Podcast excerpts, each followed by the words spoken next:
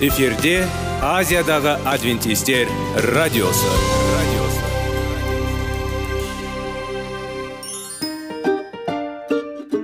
Сәлем достар. Денсаулық өмір бұлағы және біздің бірінші байлығымыз демекші денсаулық сағаты рубрикасына қош келдіңіздер.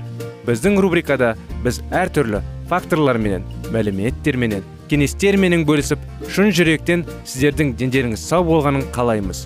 Сол үшін біздің рубрикаға қош келдіңіздер. Дайындалып тұрыңыздар. Өйткені келесі минуттарда қызықты фактілерге ие боласыздар. Енді достар ең бірінші байлығымызды қолымызға алып алға кеттік.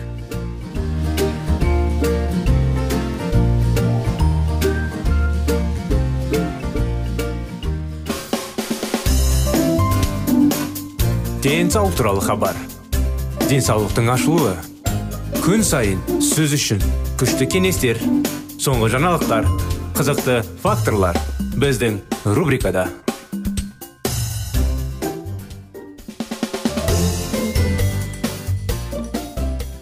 сәлем достар қалдарыңыз қалай құрметті біздің радио тыңдаушыларымыз біздің денсаулық сағат бағдарламамызға қош келдіңіздер келіңіздер достар сіздермен бірге салауатты болу салауатты салтты өмір тақырыптарын әңгімелеп жалғастырайық кардиотренировкалар жүрек үшін зарядка әрекетсіздік көбінесе аурулар үшін қолайлы топыраққа айналады.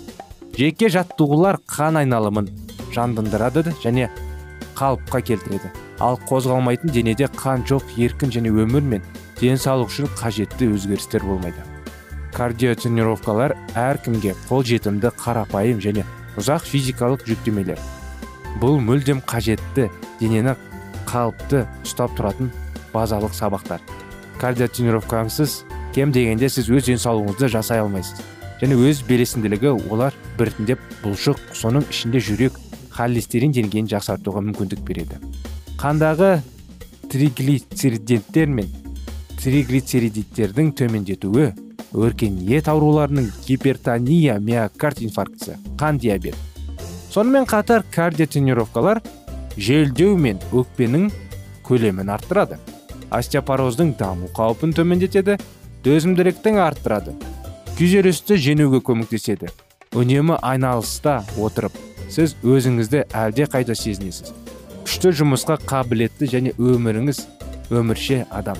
Кардиотренировкаларға емдік дене шынықтыру жүру жүгіру велосипедпен жүру шаңғымен және роликті конькимен сырғанау жүзу ескек кесу баскетбол жатқызуға болады. Велотренажерде жүгіру жолында степертте тағы басқа сабақтар немесе эллипсиод кардиотренировкалар кез келген жаттығу ұзақ уақыт 20 минуттан кем емес бір қарыммен қарқынмен жүзуге асырылады. Жасыл аймақ деңгейін төмендете қараңыз. Кардиотренировкаларға пульс туралы. Дені сау жүректің негізгі белгісі үнемдей білу күш. Күйдегі пульсті баяулату және оны жүктеме кезінде жылдамдату. Егер тыныштық кезінде пульс шамамен болса минутына алпыс соққы. Демек жүрек қалыпты жұмыс істейді.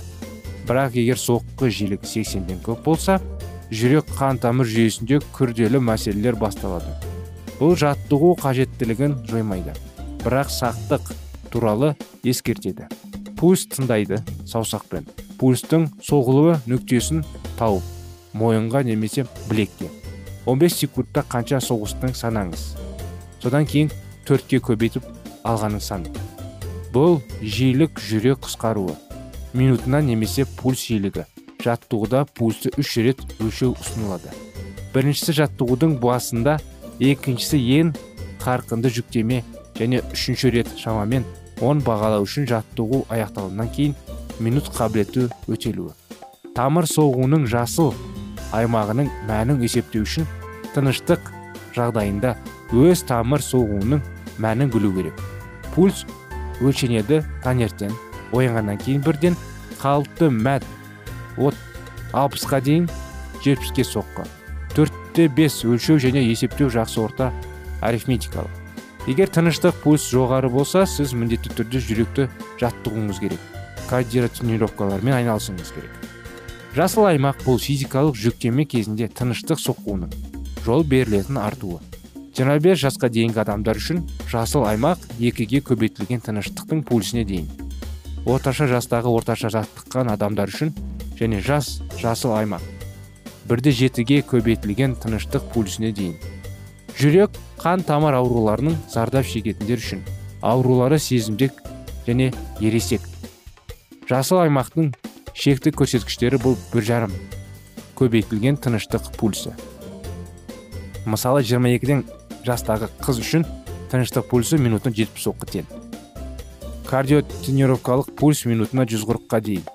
Ал қабынуы аз әйел үшін 40 жастағы тыныштық пульсімен барлығы 105 соққы сіздің жаттығуларыңыз өсуіне қарай пульс тыныштық төмендете болады. Тыныштық пульсінің минутына бірде екі соққы төмендеуі. Сапалы екі айлық тұрақты жаттығулардың тамаша нәтижесі. Бір жыл ішінде тыныштық пульсінің 80-ге 70-ке дейінгі төмендеу сіз жақсы жұмыс істеп ең алдымен бақытты болыңыз. Денсаулықпен үлкен қиындықтармен туындамаңыз. Теориядан практикаға дейін кез келген сабақты бастау керек. Арналған жаттығулар кешенінен бұлшық етті қыздыру. Жаттығулар қалыпты қарқынмен орындалуы тиіс. Қан жүйесін дайындау үшін жүрек бұлшық және жалпы дене ауыр физикалық жүктеме алу үшін. Ең дұрыс жаттығу ұзақтығы шамамен ширек болуы мүмкін. Ширату кезінде жүрек жиырылу жиілігі біртіндеп сіздің жету керек деңгейіндегі жасыл аймағы мен қалауға ондай бойы барлық сабақтар. Жүктеме тым болмау үшін бастапқы кезең үшін жоғарғы ең төменгі жүктемелердің бастау керек емес күніне 20 минуттан аспауы тиіс. Ең оңтайлы 30-40 минут ішінде жаттығулар уақыт болып саналады. Ал жаттығу денесіне 60 минут уақыт алуға болады. Сабақ үшін дене белсенділігінің сол түрі таңдаңыз. Сізге ұнайды. Жаттығу құралғысымен айналысуға болады. Зал таза ауада немесе үйде. Сабақ бастағандарға мамандар кеңес береді. Аптасына үш жаттығу. Жаттығушылар жиі айналыса алады. Ал егер уақыт жетпесе есіңізде болсын күнделікті өмірде жүректі сүруге көптеген мүмкіндіктер бар. Аялдамадан үйге дейін жаяу жүру немесе бір ырғаққа жұмыс істегеннен кейін дем алу өлшемі. Бойынша көтерілу бірнеше қабатқа дейін баспалдықпен жүгіру емес ырғақты аяқпен аяқты ауыстыру. Есіңізде болсын күнделікті жарты сағаттық серуендеу жүрек қантамыр жағдайын жақсартады жүйесін. Сабақты аяқтаңыз. Сол жойылында жаттығудың кейін эмоционалдық және физикалық көрінеу пульс тыныс алу және артериялық қысым нормасын әкеледі. Мінекей құрметті біздің достар осымен бағдарламамыз аяғына келді. Келесі бағдарламада сіздерге жалғасын жалғастырамыз. Өкінішке орай бағдарламамыздың уақыты шамалы. Сау саламат болыңыздар. Келесі жолға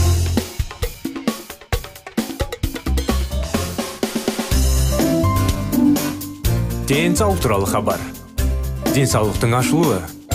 Күн сайын сөз үшін күшті кеңестер соңғы жаңалықтар қызықты факторлар біздің рубрикада.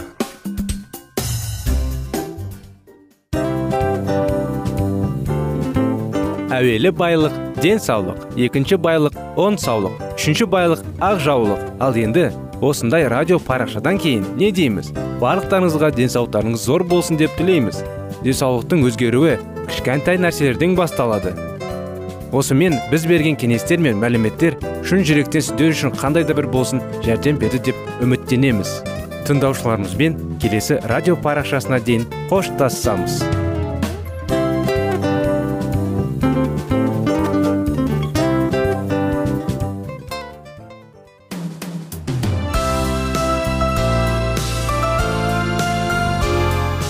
эфирде азиядағы адвентистер радиосы.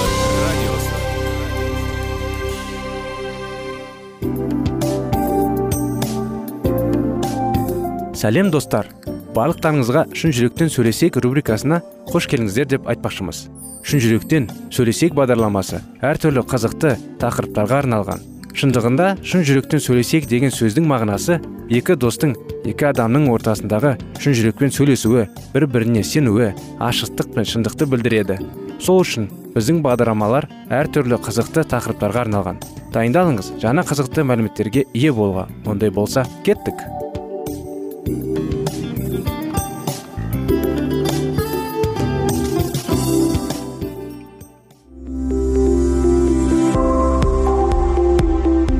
Алтын сөздер.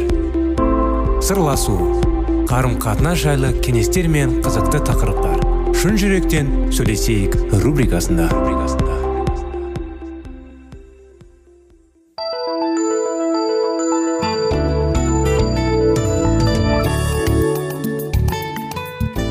Сәлеметсіздер ме армысыздар құрметті радио тыңдаушыларымыз?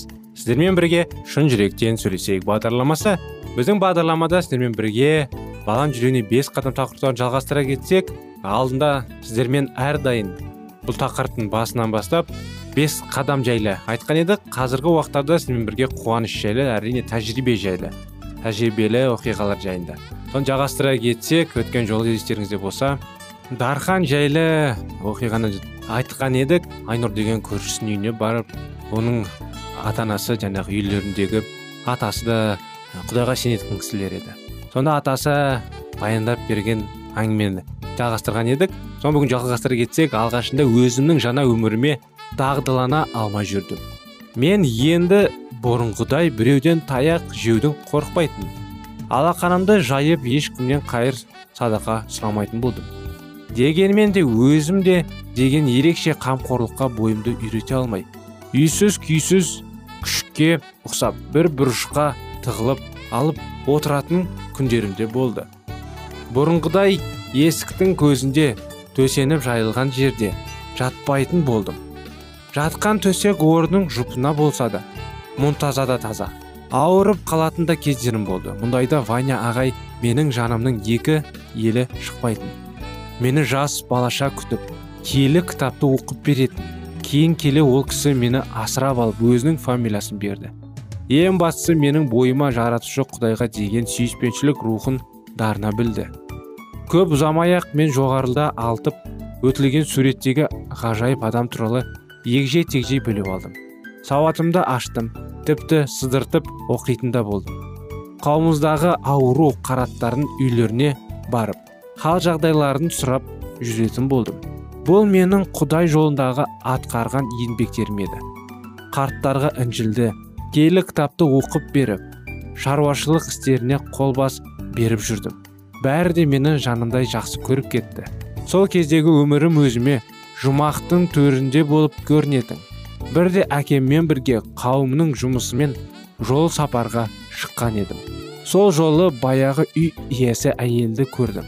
Ол мені шынымен ақ танымды ма? Әлде сыр бергісі келді ме?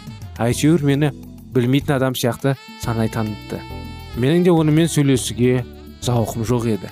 Әкемнің қолынан мықтап ұстап алдым да жаратушым мейірлі шықпағына бөлей көр деп дұға еттім. Қорқыныштысы тұз сияқты болып өткен балалық шағым қайтадан есіме түсіп денені түршікті.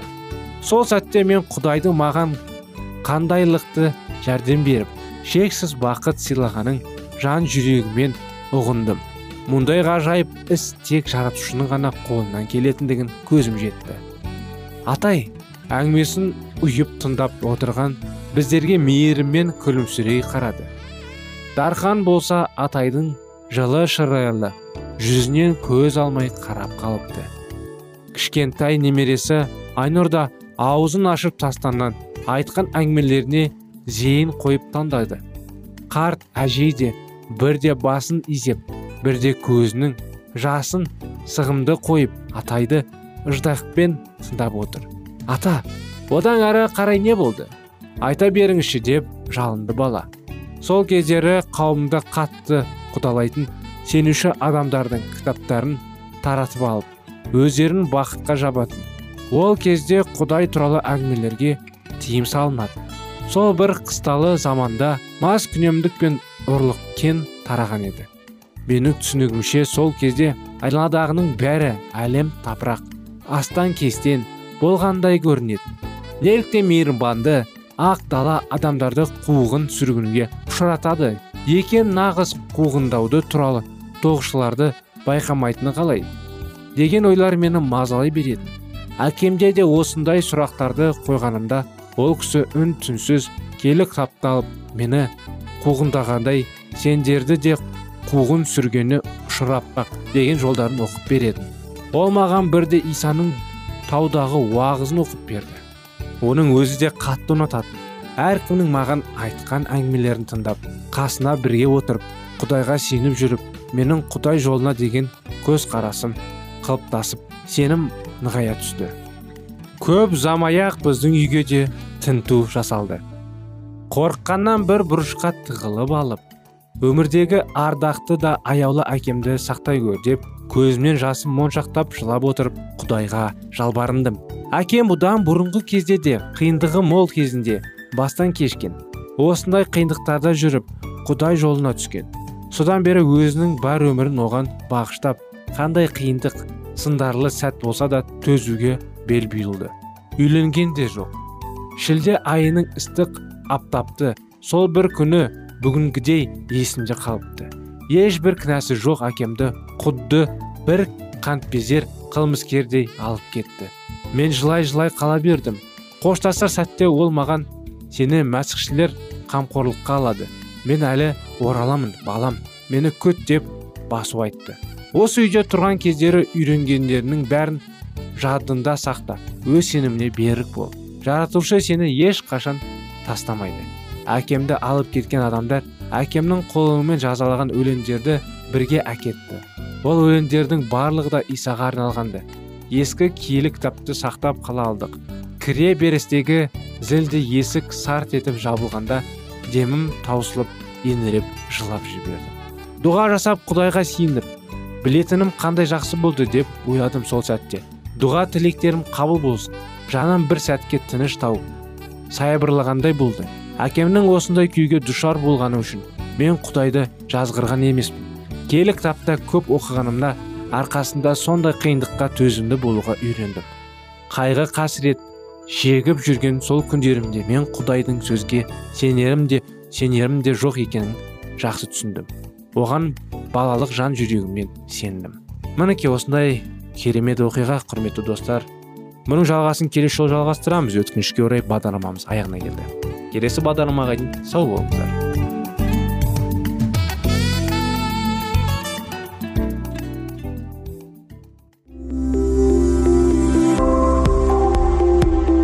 Алтын сөздер. Сырласу. Қарым қатынас жайлы кеңестер мен қызықты тақырыптар. Шын жүректен сөйлесейік рубрикасында.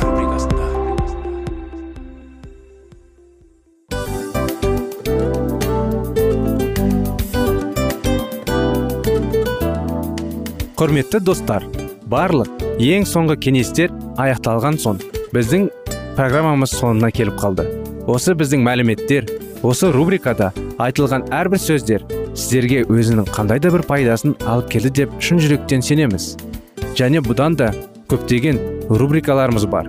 Басқа рубрикаларымызда біздің зерттеулерімізде сіздер үшін тағы да қызықты мәліметтер дайын. Біздің шын жүректен сөйлесейік парақшамызда көптеген әдістер ең соңғы кеңестер адамның нравственность жақтан моральдық жақтан тазалап байыта тұрған соңғы кеңестердің барлығын жанарады. сондықтан алдыңғы күндерде бізбен бірге болыңыздар. Өйткені барлық қызықтар алдыда. Бізбенен бірге болғандарыңызға үлкен рахмет. Келесі кездескенімізше сау сәлемет болыңыздар.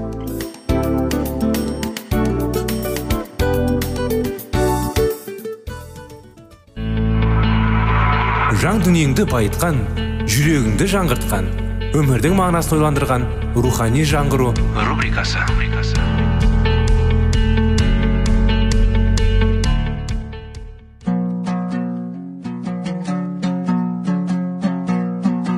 Ассалаумағалейкум біздің тыңдаушыларымыз. Келі кітаптың шындығын ашып берген қысқа бағдарламасына қош келдіңіздер. Барлығынан жоғары жаратушы біздің қарыңғылықта жалғыз қалдырып қойған емес. Өйткені ол келешекте не болу керек екенін киелі кітаптың парақтарында ашып береді. Немесе келіңіздер бізге қосылыңыздар. Жаратушы бізге нен ашып бергенін зерттейміз. Байлық пен даңққа жетпекші болған шеркеу осы әлемнің ұлыларына бағынып исаны ысырап тастап ібілістің жіберген адамы рим епискасымен одақ құрды. Рим шіркеуінің ең негізгі догматтарының бірі құдай үйінің басы иса мәсіх емес рим папасы деп жұртшылыққа мойындату. Сонымен қоса рим папасына киелі деген атақ пен әмірші құдай папа деген титул берілген. Папа барлық адамдарын оны құрметтеуін талап етеді. Бірақ кейбір адамдар исаның айтқанындай құдайына ғана бас иіп оған ғана сүйінуді және қызмет етуі керек деп бұл дөрекі шешімге қарсы шықты. Келі кітапта құдай үйінің басы адамдардың бірі болады деген сөз жоқ. Басы иса мәсіх болып есептелетін құдай үйіне папа билік жүргізу алмайды. Ал құдай деген атақты ол өзіне заңсыз түрде меншіктеп алған.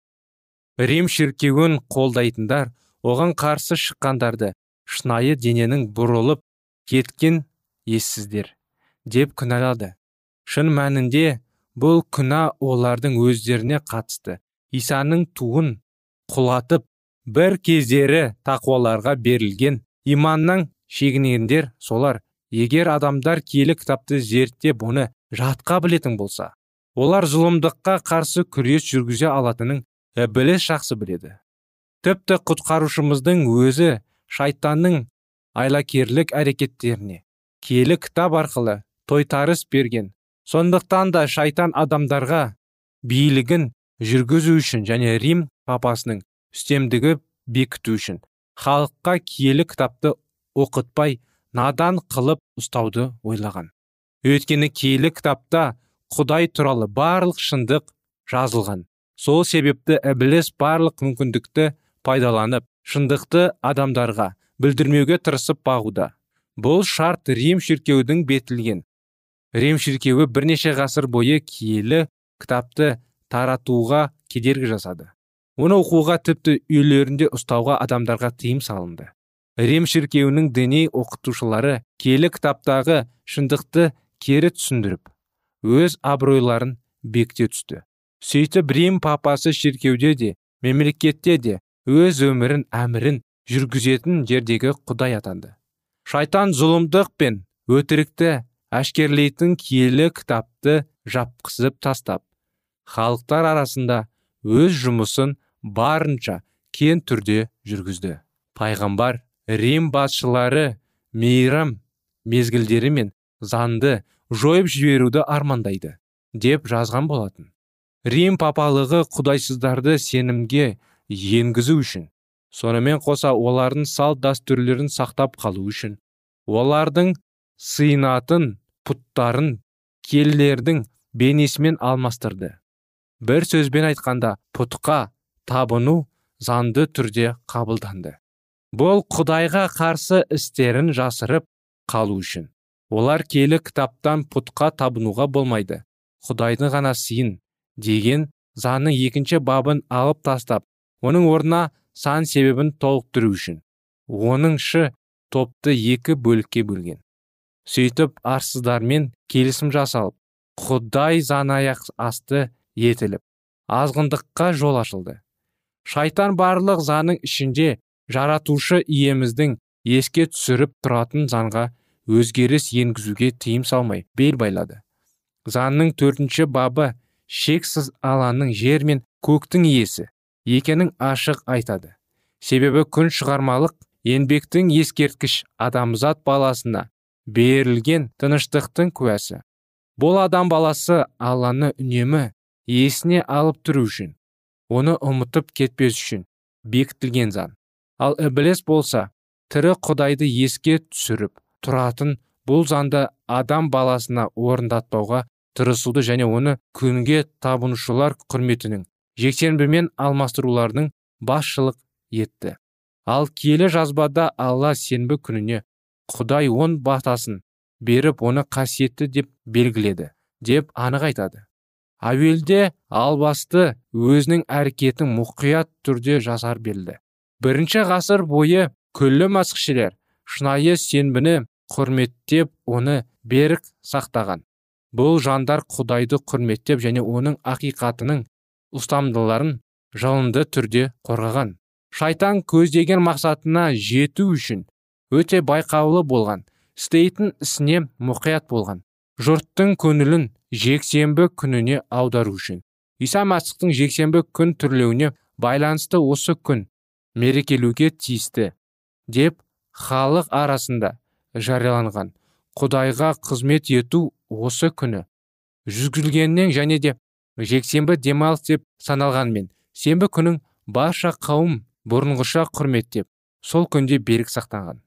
Өзінің арам пиғылын әрі қарай жалғастыра келе шайтан яхудилерді пайдаланып сенбі күні міндетті ережелермен танып оны ешкім алып жүре алмайтын ауыр жүкке айналдырды. Сонан соң шайтан сенбі туралы ақиқатты өзі бұрмалана қарамастан оны жиренішті түрде яхудилердің қуаласы деп атады. Масықшілер жексенбі күннің қуанышты бақытты мереке түрде тойлауын жалғастырған уақытта ібіліс яхудилерге деген өшпенділігінің белгісі ретінде сенбіні ораза уайым және қасірет күн деп айтуға атауға мәсіхшілер итермеледі. Төртінші ғасырдың басында император константин күллі рим империясы бойынша жексенбі күннің жалпы сақталуы белгіледі. Күнге табынушылар құрметтейтін жексенбі күні мәсіхшілер де тойлады. Императордың саясы мәсіхшілерден құдайсыздардың құрама қарсы мүдделерін біріктіруге бағытталған еді. Бұған осы мадақ пен билікке ұмтылған рухани қызметшілер итермелеген. Өйткені олар мәсіхшілер мен құдайсыздар бір күнді сақтаған. Жағдайда құдайсыздар мен мәсіхшілердің бастары біргелді деп түсінген. Ал бұл өз кез келгеніне шеркеудің қуанатына арта түсуіне ықпал ететін болған. Көптеген құдайдан қорқатын мәсіхшілер жексенбіні қасиетті күн болса болсын деп қабылдағанымен заңның төртінші бабы бойынша шынайы сенбі күні сақтаған және құдай берген тыныштық күні ретінде құрметтеген.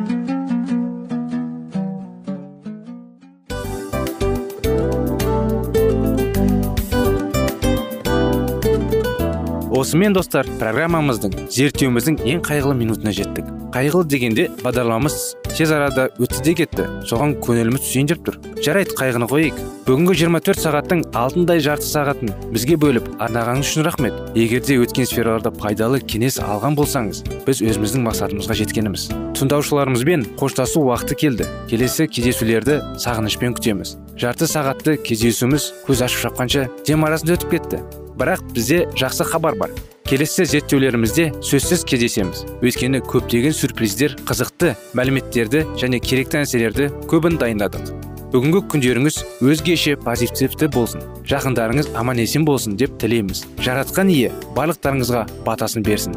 Істеген істеріңіз игілікті болсын. Келесі кездескенше сау саламат болыңыздар.